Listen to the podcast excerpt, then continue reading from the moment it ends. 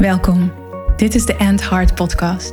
Over leven en lijden vanuit je hart. Voor vrouwelijke leiders, CEO's, managers en ondernemers. Vrouwen die impact willen maken, een changemaker zijn, grote resultaten willen behalen en hun mooiste leven willen leiden. Niet enkel vanuit ratio, logica en mind, wat je waarschijnlijk heel goed kan.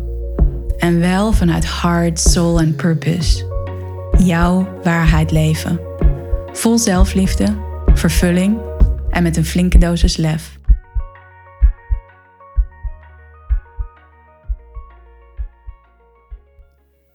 Welkom bij een nieuwe aflevering van de End podcast.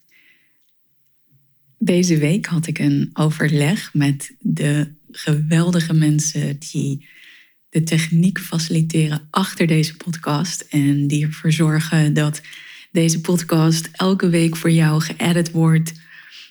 En eens in zoveel tijd hebben we een overleg met elkaar van hey, hoe gaat het? Waar kunnen we de samenwerking verbeteren? En naar aanleiding van die meeting benadrukten we weer hoe de afleveringen die gaan over mijn eigen proces vaak het meest beluisterd worden of het meest enthousiast ontvangen worden. En natuurlijk, wanneer je mij volgt op socials of ook wel in deze podcast, heb ik het erover: ben ik een boek aan het schrijven? En ik wil je graag meenemen. Niet alleen omdat die afleveringen goed scoren. Alhoewel dat natuurlijk wel een weergave is dat dat is wat jou interesseert, wat je interessant vindt om te horen. Dus ik wil je meenemen in dat hele proces van een boek schrijven. Hoe ik dat ervaar, waar ik nu ben, wat je kan verwachten. Eh, maar ook dus een kijkje achter de schermen. Want uh, ja, dat is wel een kijkje achter de schermen waard, zou ik willen zeggen. Dus ik ben een boek aan het schrijven. En dat is groots, dat voelt groots. En tegelijkertijd is het eigenlijk soms ook gewoon heel simpel. Want schrijf alles uit je systeem. En het gaat zo over informatie die ik over de afgelopen jaren heb verzameld. Ervaringen die ik de afgelopen jaren heb opgedaan. Die uh, komen allemaal in dat boek. En ja, hoe is het eigenlijk begonnen? Dus een boek schrijven. Waar is dat idee bij mij ontstaan? Of waar is dat verlangen bij mij geboren? Vroeger was ik echt een boekenwurm. Dus als je kijkt naar mij als meisje van 8, 9, 10 jaar, ik las zo ontzettend graag. Elke week op dinsdag ging ik naar de bibliotheek met een vriendinnetje van mij. En dan haalde ik zoveel mogelijk boeken als kon op mijn bibliotheekpasje. Volgens mij waren het vier boeken. En dan haalde ik vier boeken en meestal las ik ze uit in één week. Soms lukte dat niet.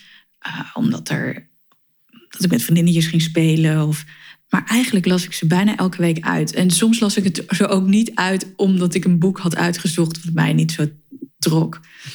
En ja, altijd heb ik dus een enorme liefde voor lezen gehad. En ik kan me ook herinneren dat we vroeger op vakantie gingen. En mijn ouders die zijn al heel lang uit elkaar. En dat resulteerde erin dat wij sommige vakanties wel zes weken naar Frankrijk gingen. En dan gingen we meestal drie weken met mijn moeder, of soms zelfs bijna vier weken. En we kampeerden dan op mooie natuurcampings in, uh, in Frankrijk. En dan met mijn vader gingen we dan ook twee of drie weken. Dus in totaal zo'n zes weken. En dat was een gedoe, want hoe kon ik dan genoeg boeken meenemen?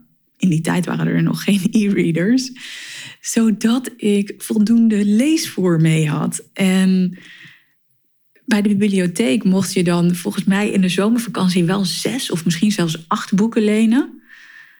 Maar dat waren voor mij lang niet genoeg, want in de vakanties, ik hield ervan om dan lekker bij de tent te zitten lezen. Dus ik nam zoveel mogelijk boeken mee, maar je kan je ook voorstellen, die auto die moest ingepakt worden tent en allerlei spullen, kookgerei moest mee. Ja, en dan boeken, die nemen best wel veel plek in. Dus ik had dan een, een bepaald aantal boeken, volgens mij tien of twaalf of zo, die er mee gingen. En dat waren er niet genoeg. Dan las ik ook nog de boeken van mijn zusje tijdens de vakantie. Dus lezen is echt een liefde voor mij geweest. En tijdens mijn studie, toen ik psychologie ging studeren en ik zoveel moest lezen, in het Engels toen ook, veel van mijn studieboeken waren in het Engels, daar is mijn liefde voor lezen even iets afgezwakt. Omdat ik zoveel moest lezen, was er veel minder ruimte voor het lezen van, van andere boeken. En nu moet ik zeggen, lees ik toch ook een stuk minder. Dat meisje van tien jaar die zo helemaal wegraakt in een boek, uh, die is nou, nu in mijn leven nu ook wel soms naar de achtergrond verdwenen. Die mag eigenlijk wel weer wat meer ruimte krijgen. Ik lees veel boeken rondom leiderschap, hartintelligentie, neuroscience. Dus vaak heel veel boeken die gerelateerd zijn aan mijn werk en wat ik doe. Uh, zelfontwikkelingsboeken. En vorige zomer heb ik ook echt besloten. In, in de zomer doe ik altijd of nou altijd, in ieder geval heb ik dat nu de laatste drie zomers gedaan. En ik wil dat ook echt een traditie houden. Ga ik twee weken, en dat worden er meestal drie, helemaal offline. Dus geen Instagram, geen LinkedIn, geen e-mail. Alleen WhatsApp gebruik ik wel, omdat ik op die manier ook contact hou met mijn vrienden en met mijn familie. Wel zo weinig mogelijk. En vorige zomer heb ik toen besloten: oké, ik ga even geen vakliteratuur lezen of iets dat verbonden is met mijn werk, met mijn missie en wat ik doe. Ik lees alleen romans. En toen ben ik weer heerlijk gedoken in romans van Isabel Allende, een van mijn favoriete schrijfsters. En, ehm, en nog andere mooie verhalen. Heerlijk. Anyway, dit verhaal om te illustreren hoe belangrijk boeken zijn voor mij, zijn geweest ook voor mij in mijn leven. Toen ik ging backpacken in 2006, wat was het, 2007, naar Azië. Die boeken, die wegen veel. Die zijn zwaar in zo'n rugzak. En er bestond, toen bestonden al wel e-readers. Althans, ik had er nog geen één. Want ik hield en ik hou nog steeds gewoon van een echt boek. Een boek dat je kan ruiken, een boek dat je zo kan vasthouden. Inmiddels heb ik wel een e-reader. Want ik ben er ook achter als je van reizen en van lezen houdt, hoe ongelooflijk makkelijk een e-reader is. En er is natuurlijk ook van alles voor te zeggen uh, als het gaat over sustainability. Terug naar waarom ik een boek schrijf. Dit verhaal dus om te illustreren hoe belangrijk boeken voor mij zijn. En, en dan ook met name, ja, dat is waarom ik begon over de e-reader. Dus ook echte boeken, hoe lekker. En ik kan me voorstellen dat jij nu ook denkt van ja, zo'n echt boek en dat ruiken en dat vasthouden. Ja, dat brengt zoveel emotie op. Hè? Dat is zo fijn. Voor als jij ook van lezen houdt, dan weet je, dan weet je precies waar ik het over heb. Dus ja, een boek schrijven, dat voelt voor mij gewoon heel bijzonder. Iets dat zo fysiek is, dat voor altijd blijft. En een jaar of drie geleden werkte ik met iemand en zij zei tegen mij: Tess, ik zie een boek. Ik zie een boek. En toen, meteen in dat moment, voelde ik ook van ja. En tegelijkertijd, wow, dat is zo groot. Dat is zo, ja, boek schrijven, ga ik dat doen? Dat moment, en dat zij dat tegen mij zei, voelde ik wel van ja, ja, ja, dit heb ik te doen. Of het is onderdeel van mijn missie, het is onderdeel van het verspreiden van mijn kennis en ervaring en visie over hard leadership, waarvan ik echt denk en steeds en steeds meer geloof dat dat echt het antwoord is op alle verandering die gaande is in de wereld en de toekomst waar we naartoe gaan. Of het antwoord, laat ik het zo zeggen, het is een van de belangrijke antwoorden. En dat deel ik graag met mensen. En een boek is natuurlijk een fantastische manier om je visie te delen. Het staat opgeschreven. Het is een hele laagdrempelige manier om kennis te maken met mijn visie over hard leadership. En ehm, ja, dat, dat moment dat zij dat tegen mij zei over Tess, ik zie een boek, dat was een, een zaadje dat werd geplant. Van, ah ja, ja, alleen wanneer en hoe. En, en al die vragen heb ik toen maar aan de zijkant geschoven. En ergens begin vorig jaar ben ik gaan samenwerken met mijn integrator Chantal. En we werken samen in de rol van integrator, visionair. En we gaan overigens snel een uh, interview met elkaar opnemen. Of laat ik het zo zeggen, een gesprek met elkaar voeren hierover. Dus als je nieuwsgierig bent naar hoe die samenwerking eruit ziet, blijf dan checken. Want ik denk eigenlijk dat volgende week al die, dat we dat gesprek gaan opnemen en dat die podcast online komt. Anyways, dus die samenwerking. Toen we die starten, was dat ook een moment waarop we gingen kijken naar de missie van mij, de missie die ik heb met End Heart en hoe ik dat wil verspreiden. En daar kwam de Academy aan bod. Dat was mijn grote project van vorig jaar. Die is gerealiseerd, die is in de lucht. En de eerste live ronde die hebben we gedaan. Komt bijna een tweede ronde aan. Dus hou dat ook in de gaten wanneer je wil instappen in die Heart Leader Academy. Maar dat was dus het grote project. En toen kwam ook dat boek hè, van ja, het verspreiden van mijn missie, het verspreiden van mijn visie. En ja, dat was een moment dat ik dat echt opschreef van ja, ik wil, ik wil echt dat boek gaan schrijven. Ik vind het rete spannend. En tegelijkertijd wil ik en voel ik ook dat ik dat mag gaan doen. En die academy kreeg toen voorrang. En ja, het einde van het jaar, vorig jaar, uh, naderde. En aan het eind van het jaar gaan Chantal en ik het altijd hebben over het volgende jaar. Van ja, hoe gaat dat eruit zien? En wat is dan belangrijk? Wat is het project dat aandacht mag krijgen? En toen kwam weer dat boek om de hoek kijken. En in de tijd hebben we ook al heel wat onderzoek gedaan naar: hey, wat is nou slim? Wil ik het via een uitgever uitgeven? Wil ik het in eigen beheer uitgeven? En al snel kwam ik erachter door heel wat verschillende gesprekken die ik had met mensen, dat enerzijds uitgeven via een uitgever, en ik heb ook contact gehad met een aantal uitgevers die ook geïnteresseerd waren in eventueel een boek schrijven met mij. Maar wat er gebeurt is dat je eigenlijk onmiddellijk al je rechten, je rechten als auteur, weggeeft. En die liggen bij die uitgever. Je wordt er ook niet rijk van, een boek schrijven. Wanneer je dat uitgeeft met een uitgever, dan komt er zo'n 2 euro of nog niet eens uiteindelijk bij de auteur terecht.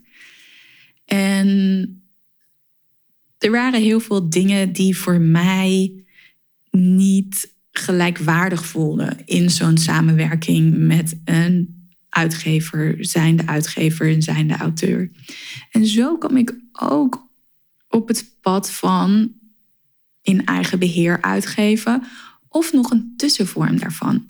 En zo kwam ik in contact met de vrouw met wie ik nu mijn boek schrijf, Bianca, Bianca Kroon. En zij is een free publisher. En ik doe een grote investering in dat zij mij begeleidt. Ze heeft zo'n 15 jaar ervaring in het uitgeven van boeken met ondernemers, thought leaders, visionairs, zoals ik. En we werken in zo'n constructie samen dat alle rechten bij mij blijven. En, en ook als ik dus het boek in het Engels wil vertalen, want dat is wel een absoluut, absoluut verlangen van mij dus heb ik besloten om met Bianca te gaan samenwerken. En dat, die keuze die heb ik gemaakt eind vorig jaar. En toen hebben we ook vastgelegd met elkaar, dan begin ik aan het, in het, aan het eind van het eerste kwartaal, dus in maart, daadwerkelijk met het schrijven van het boek. Wow, dat was een keuze. Dat was een keuze die ik toen maakte. Zo van, ja, ik ga het gewoon doen. Ik weet nog niet hoe ik het ga doen. En het klinkt zo, het voelt zo groot, het schrijven van een boek. En tegelijkertijd stelde Bianca mij ook gerust van, hey, weet je, vertrouw het proces en ik begeleid je daarin. Dus in maart hebben we de aftrap, de kick-off met elkaar gedaan. En hebben bepaald van wat is de rode lijn van het boek? Wat is eigenlijk, ja, wat gaan de hoofdstukken zijn? Het onderwerp, nou, het zal je niet verrassen, het gaat natuurlijk over hard leadership. En in mijn boek schrijf ik over hard leadership, over hard intelligentie. Mijn specifieke hard leadership model. Geïnspireerd door andere leiderschapsmodellen. Geïnspireerd door de neurowetenschappen. Geïnspireerd door wat ik heb geleerd via Hard Math Instituut. Anyway, dat lees je allemaal in het boek. En het is een uiteenzetting van het Hard Leadership model zoals je dat leert in de Hard Leader Academy. En het heeft ook de aanvulling van het Hard Leadership model zoals ik dat teach in het Hard Retreat. Dus het is echt een fantastisch mooi samenspel van ja, mijn gedachtegoed. En waarin ik mezelf meer en meer verdiep en het ook daadwerkelijk belichaam en praktiseer in mijn leven, in mijn bedrijf, in hoe ik leid in alle verschillende leiderschapsrollen, of alle verschillende rollen die ik heb in mijn leven. En, en dat deel ik in dat boek. En op het moment dat ik begon met schrijven, in eerste instantie dacht ik van, oh ja, dan ga ik gewoon een hele dag inboeken in mijn agenda elke week en dan ga ik schrijven. En al snel kwam ik erachter dat dat niet zo werkt. En ook mijn coaching, Bianca, die zei tegen mij: nee, werk op een andere manier. Zorg dat je af en toe een uurtje of twee uurtjes of een ochtend of misschien een middag in boek om te schrijven aan je boek. En zo kwam ik er ook achter, want ik heb in die periode heel veel gereisd dat het heerlijk was om in het vliegtuig te schrijven. En dan was ik helemaal in mijn zoon. En misschien ken je ook wel dat zoemende geluid van in een vliegtuig. Ik hou er dan ook van om mijn noise cancelling headphones op te zetten. Brain focus music aan te zetten. Muziek in een speciale frequentie, dat je helemaal woef, in die focus raakt. Heerlijk. En in het vliegtuig, maar ook in de trein heb ik geschreven. En en raakte ik helemaal in die flow. Dus ik ontdekte zo dat je ook op hele korte momenten helemaal in het boek en in het verhaal kan zitten. En er zijn ook een aantal momenten geweest dat ik enorm weerstand ervaarde. Dat ik bijna geen zin had om te schrijven. Terwijl dit tegelijkertijd toch mijn levenswerk is en mijn missie is. En ik hou ervan, ik doorleef het, ik beleef het. En af en toe waren er ook momenten dat ik dat lastig vond. Dat ik echt, oeh, ik zie er tegenop, ik kan er niet inkomen. En wat mij toen heel erg heeft geholpen, is om gewoon te gaan zitten. Gewoon te gaan zitten en mezelf dus echt, ja, eigenlijk gewoon te dwingen, te forceren. Zit en ga schrijven. En geef geen gehoor aan al die belemmerende overtuigingen, die saboteurs die daar in je oor lopen te tetteren. En zo heb ik ook geleerd bijvoorbeeld van Dr. Joe Dispenza. Die zegt ook wel als je gaat mediteren. Misschien herken je dat zelf ook wel. Als je gaat mediteren of überhaupt tegen een taak op zit. Tegen iets wat je, wat je gaat doen. Maar nu even specifiek over mediteren. Hij zegt dan van ja, tem echt je lichaam. En, en, en dwing je lichaam om te blijven zitten. Op het moment dat je misschien het gevoel hebt, ik wil bewegen, ik wil opstaan, ik wil liggen, ik wil niet zo zitten, ik krijg jeuk. Dwing je lichaam om in die staat van zijn te komen. En, en dat heeft soms ja, force nodig. Niet voor niets geloof ik ook dat discipline en dus jezelf echt erbij kunnen pakken um, met een bepaalde force een act van zelfliefde is. En zo heb ik dat dus ook ervaren in het schrijven. Dat ik af en toe echt mezelf poeh, bij de lurven mocht grijpen en neer mocht zetten om te schrijven. En dat ik dan in die flow raakte. En dan kwam die flow weer. En dan kon ik gewoon opeens in 20 minuten, een uur, zo van alles eruit schrijven. Dus ik heb in 14 weken de hele ruwe versie van mijn boek geschreven. En daar ben ik motherfucking trots op eigenlijk dat er gewoon uh, meer dan 50.000 woorden op papier staan. Ik heb alles uit mijn hart, alles uit mijn hoofd, alles uit mijn systeem geschreven. Ik heb er toen ook geen andere boeken bijgepakt. Ik heb er geen onderzoeken bijgepakt of wat dan ook. Ik heb echt alleen maar geschreven wat er in mijn systeem, in mijn hoofd, in mijn hart zit. En nu ben ik in het proces dat ik aan het fine-tunen ben. En dat betekent dat ik die hele tekst voor het eerst helemaal zelf achter elkaar heb doorgelezen. Dat ik daar allerlei aantekeningen bij heb gemaakt. Heb gezien waar het niet goed loopt. Heb gezien waar ik het wil aanvullen. Ook heb gezien waar ik eventueel dingen wil weghalen. En het was mijn idee om in het najaar het boek uit te geven. Of tenminste dat het dan echt er is. En dat gaat iets uitlopen. Want ik merkte dat ik, en het was ook zo'n ironisch, ik was net bezig met het ontwerper van die masterclass Stop the Red Race, Lead by Heart. En ik merkte dat ik daar ook in een thinking, feeling, doing loop kon raken om toch door te gaan. En toen was er zo'n moment dat ik dacht, hé, hey, maar holy moly Tess, dit is het moment dat jij je eerste boek schrijft. En dat hoeft niet in een rush. Het mag ook een maand later zijn. Het is ook oké als het boek begin januari uitkomt. En dat maakt dat ik mezelf nu meer ruimte geef. Een ruimte die ik gewoon nodig heb om het boek te fine-tunen, om nog verder te researchen, voordat het uh, naar de volgende stappen gaat. Dus de manuscriptscan, uh, naar de redactie. Um, ik heb overigens al een fotoshoot gedaan voor de foto, voor de achterkant van het boek. Uh, mijn designer, we hebben een meeting gehad over hoe de cover eruit mag zien. Uh, en zij gaat daarmee bezig. Er komen illustraties in het boek. Dus ik ben nu ook bezig met van, oh ja, welke illustratie uh, mag waar. En, uh, en de instructies voor mijn designer om die illustraties te maken. Dus het is een, een proces. Ik, er zijn momenten geweest dat ik dacht, waar ben ik aan begonnen? En hoezo ik? Waarom, waarom denk ik dat mensen erop zitten te wachten dat ik een boek ga schrijven? al dat soort saboteurs die, die komen voorbij. Of dat ik ging twijfelen aan de kwaliteit. Is dit wel goed genoeg? En al die horders, al die obstakels, al die saboteurs, dat ego dat opspeelt, het vraagt elke keer om dat te overkomen. En de eerste keer dat ik die ruwe versie van mijn boek doorlas, wat me ook op het hart gedrukt werd, was lees het met liefde. Lees het alsof het het verhaal is van je beste vriendin of je beste vriend. Lees het met die ogen. En ja, voor iedereen die soms kritisch is op wat je zelf schrijft, wat je zelf doet, wat je zelf creëert.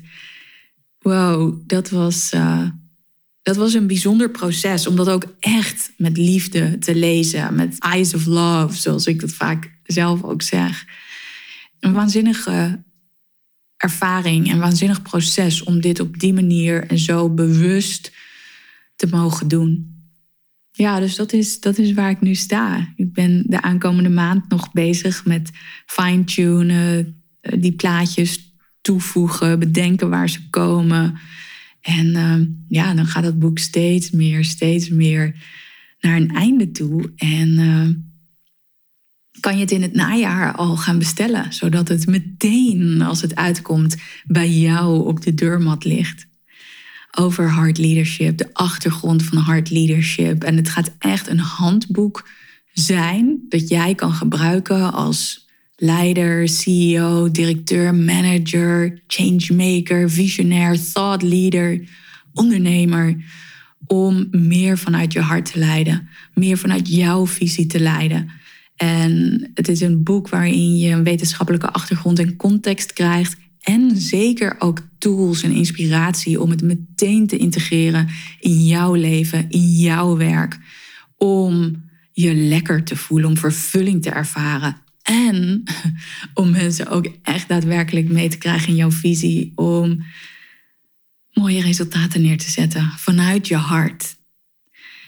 In de show notes vind je meteen een link. En je kan jezelf dan op een wachtlijst zetten. En dan krijg je zo snel als dat je kunt pre-orderen die mogelijkheid. Dus check even de show notes en zet jezelf op die wachtlijst om, uh, om dit boek zo snel mogelijk in je bezit te hebben en te kunnen lezen.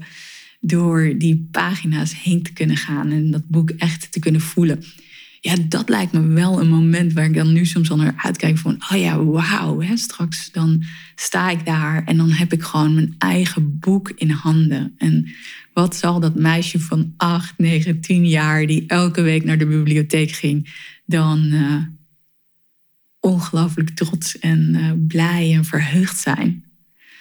Dat deel in mij resoneert helemaal met het boek en de changemaker en de vrouw die op een missie is en die ervoor voor wil zorgen dat nog veel meer mensen gaan lezen over hard leadership en hoe ze dat kunnen integreren in hun leven.